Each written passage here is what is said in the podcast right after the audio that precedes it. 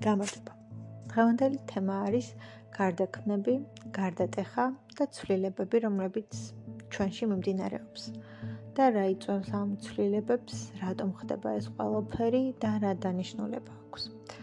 ნებისმიერი მოვლენა, რაც ჩვენს ცხოვრებაში ხდება, კარგი იქნება ეს თუ ცუდი, ხდება იმისთვის და ხდება იმიტომ, რომ შევიცვალოთ და გარკვეული ცვლილებები მოხდეს. და რაღაცას ვსწავლობთ, ვცვლით ან უფრო მეტად წინ მივიწევთ და ვითარდებით. ან უბრალოდ ჭკუას ვსწავლობთ და ძალიან დიდი გაკვეთილი არის ჩვენთვის და ის გაკვეთილი საიდანაც ძალიან ბევრი რამ უნდა ვისწავლოთ და ვიმახსოვროთ და ავითვისოთ. და არაფერი ხდება შემთხვევით უბრალო რაღაცაც კი. აა და გარკვეული დანიშნულება თითოეულ მათგანს აქვს ის რომ დღეს მაგალითად კბილი ამტკივდა, ესეც შეიძლება რაღაც დიდის ნაწილი იყოს და რაღაც გარკვეული დანიშნულება ჰქონდეს.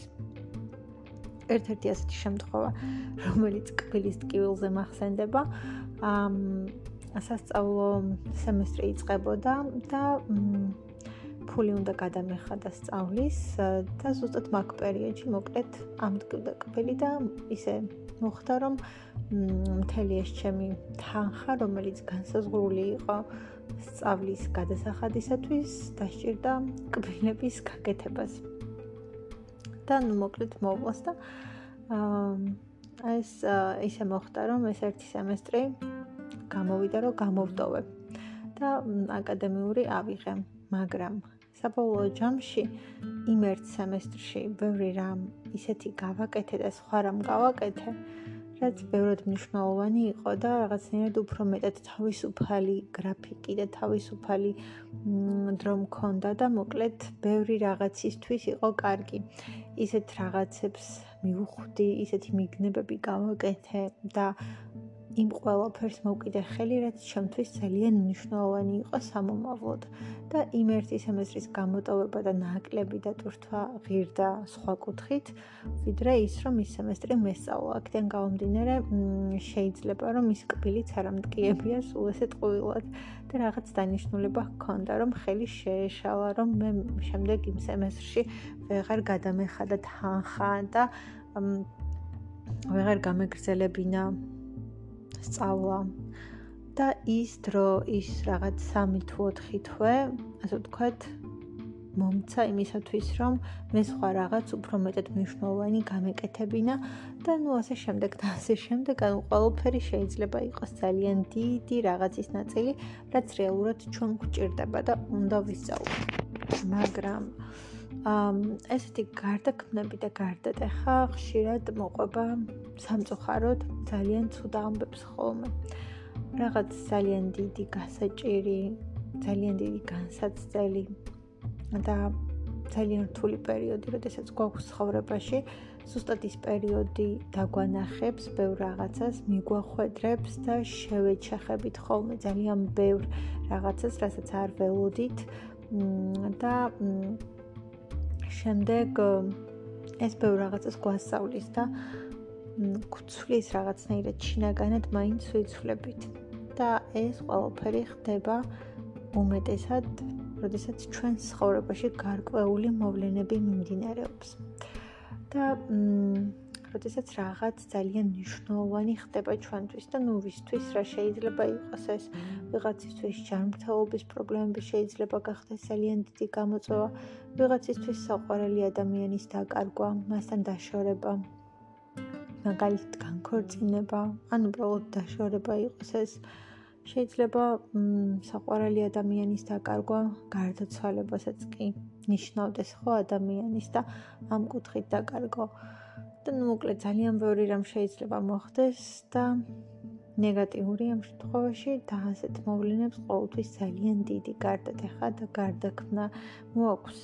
ჩვენში ძალიან დიდი ცვლილებები მიმდინარეობს ბევრ რაღაცაზე ვფიქრდებით სხვანაირად ვუყურებთ მიდის მოვლენების და საერთოდ ყველაფრის გადაფასება და შემდეგ თითქოს ჩვენ სხვანაირები ვხდებით და სხვანაირები, ასე ვთქვათ, ვიღვიძებთ და სხვანაირები ვუყურებთ. შემდეგ ცხოვრებას და მთელ რიგ მოვლენებს.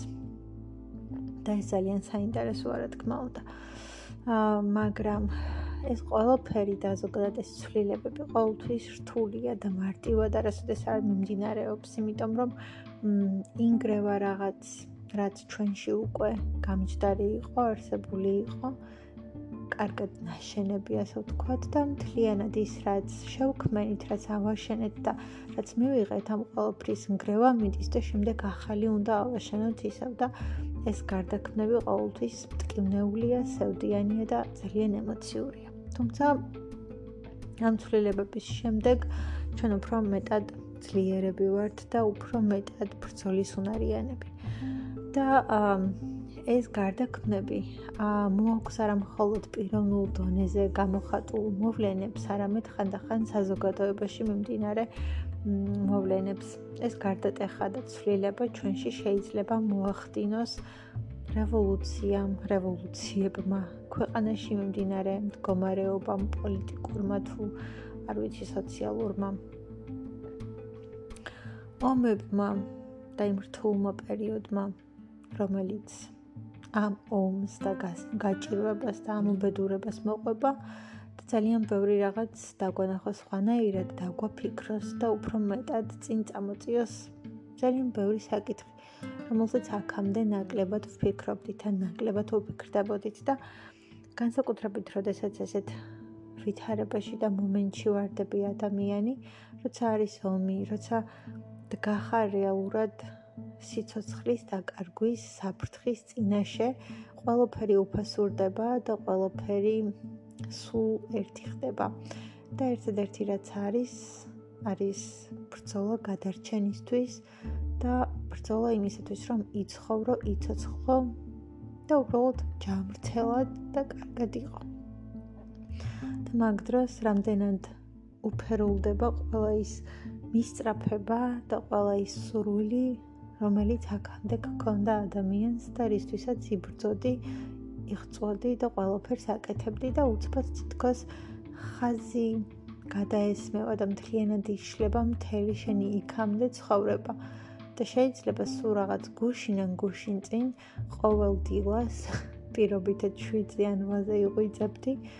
ემზადებოდი რომ სამსახურში წასულიყავი და გარკვეული ცხოვრების გეგმა და რუტინა გქონდა და რაღაც რაღაც გზას, რაღაც არ ვიცი, გრაფიკს შენსას მიუყვებოდი და ყველაფერი დაგეკმილი, გაწერილი და განსაზღვრული გქონდა და უცბად ყველაფერი ყირავდება და სრულიად უცხო სამყაროში იღვიძებ, რომელშიც ეს ყველანაირი მისწრაფება ქრება.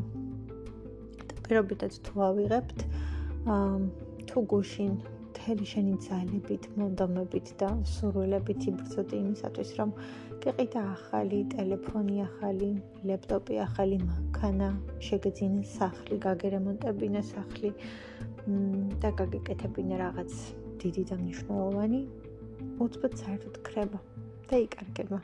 აღარავის აღარ აინტერესებს მატერიალური საგნები და საკითხები.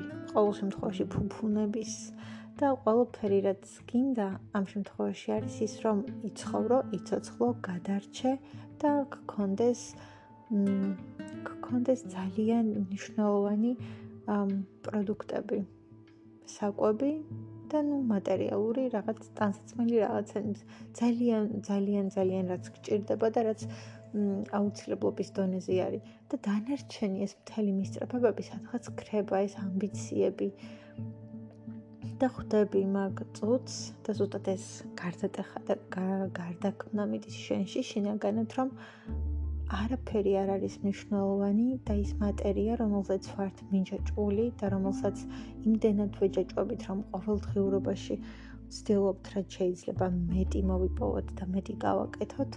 უცბად ხვდები რომ არც არაფერს არ ნიშნავს იმდენს და არც არაფერს არ ნიშნავდა იმდენს და არც იმდენად დიდი მნიშვნელობა და დაწვრთვა ქონია, როგორც შენ ამას ანიჭებდი. და ამ წუთას უკვე საერთოდ აღარ გადაარდებს ეს ყველაფერი და ბევრად უფრო ბევრად უფრო მნიშვნელოვანი საკითხები მოდის წინ და ისინი ხდებიან, რაც მთავარია მნიშვნელოვანები. და უფრო მეტად იღვიცებს ადამიანური ემოციები და გრძნობები, ჰუმანურობა, სიკეთე, სხვების დახმარება, ვიღაცის გადარჩენა, საკუთარი თავის შუალაშენი საყვარელი ადამიანების დაცვა და უფრო ადამიანური ემოციები და გრძნობები მოდის წინ და მოიწევს წინ და ეს რომ რაღაც, არ ვიცი, გუშინ მაგალითად ძალიან მაგარი ბოლო მოდელის ტელეფონი გინდოდა, საერთოდ გავიწყდება და აღარც გახსოვს, რომ აი რაში გინდოდა, რაში გინდა, რაში გჭირდება.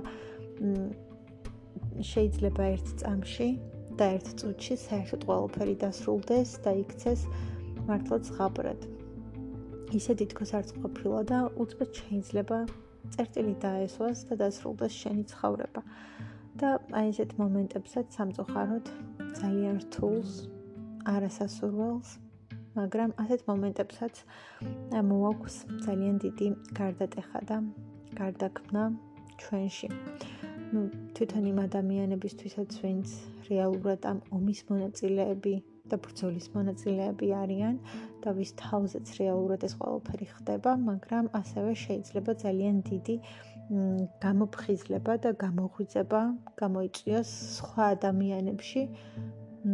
იმ ადამიანებში, ვისაც პირდაპირ არ ეხება, მაგრამ ვინც ისმენს უყურებს, გულთან მიაქვს ვისთვისაც ემოციური არის ეს ყველაფერი, ამათვის შეიძლება ძალიან მნიშვნელოვანი იყოს ის, რომ ეს ყველაფერი ხდება ვიღაცის თავს და ამან იმდენად შეძრას, ან იმდენად დიდი ზეგავლენა და ზემოქმედება მოახდინოს, რომ უცბად მიხვდეს და იფიქროს, რომ არაფერია ფასეული და არაფერია მნიშვნელოვანი იმაზე მეტად მნიშვნელოვანი, ვიდრე ეს არის ადამიანობა, ადამიანური სიკეთე, ადამიანური დახმარება და ზოგადად ჰუმანურობა და ჰუმანურობა შენში. და უბრალოდ ხვდები, რომ საერთოდ არაფერი არ არის ამაზე მნიშვნელოვანი და არაფერი დგას ამაზე წინ. არანაირი მისწრაფებები, არანაირი ამბიციები, არანაირი მატერიები და როდესაც გასაჭირის წინ დგახარ და როდესაც ძალიან დიდი გამოწვევის წინ დგახარ, იქ უკვე მნიშვნელობა არც იმას აქვს, შენ რა სტატუსი გაქვს და რა სტატუსით სარგებლობ საზოგადოებაში. ხარ მდიდარი თუ ხარ ღარიბი? აა ხარ პროფესორი თუ ხარ უბრალოდ გლეხი? არ ვიცი.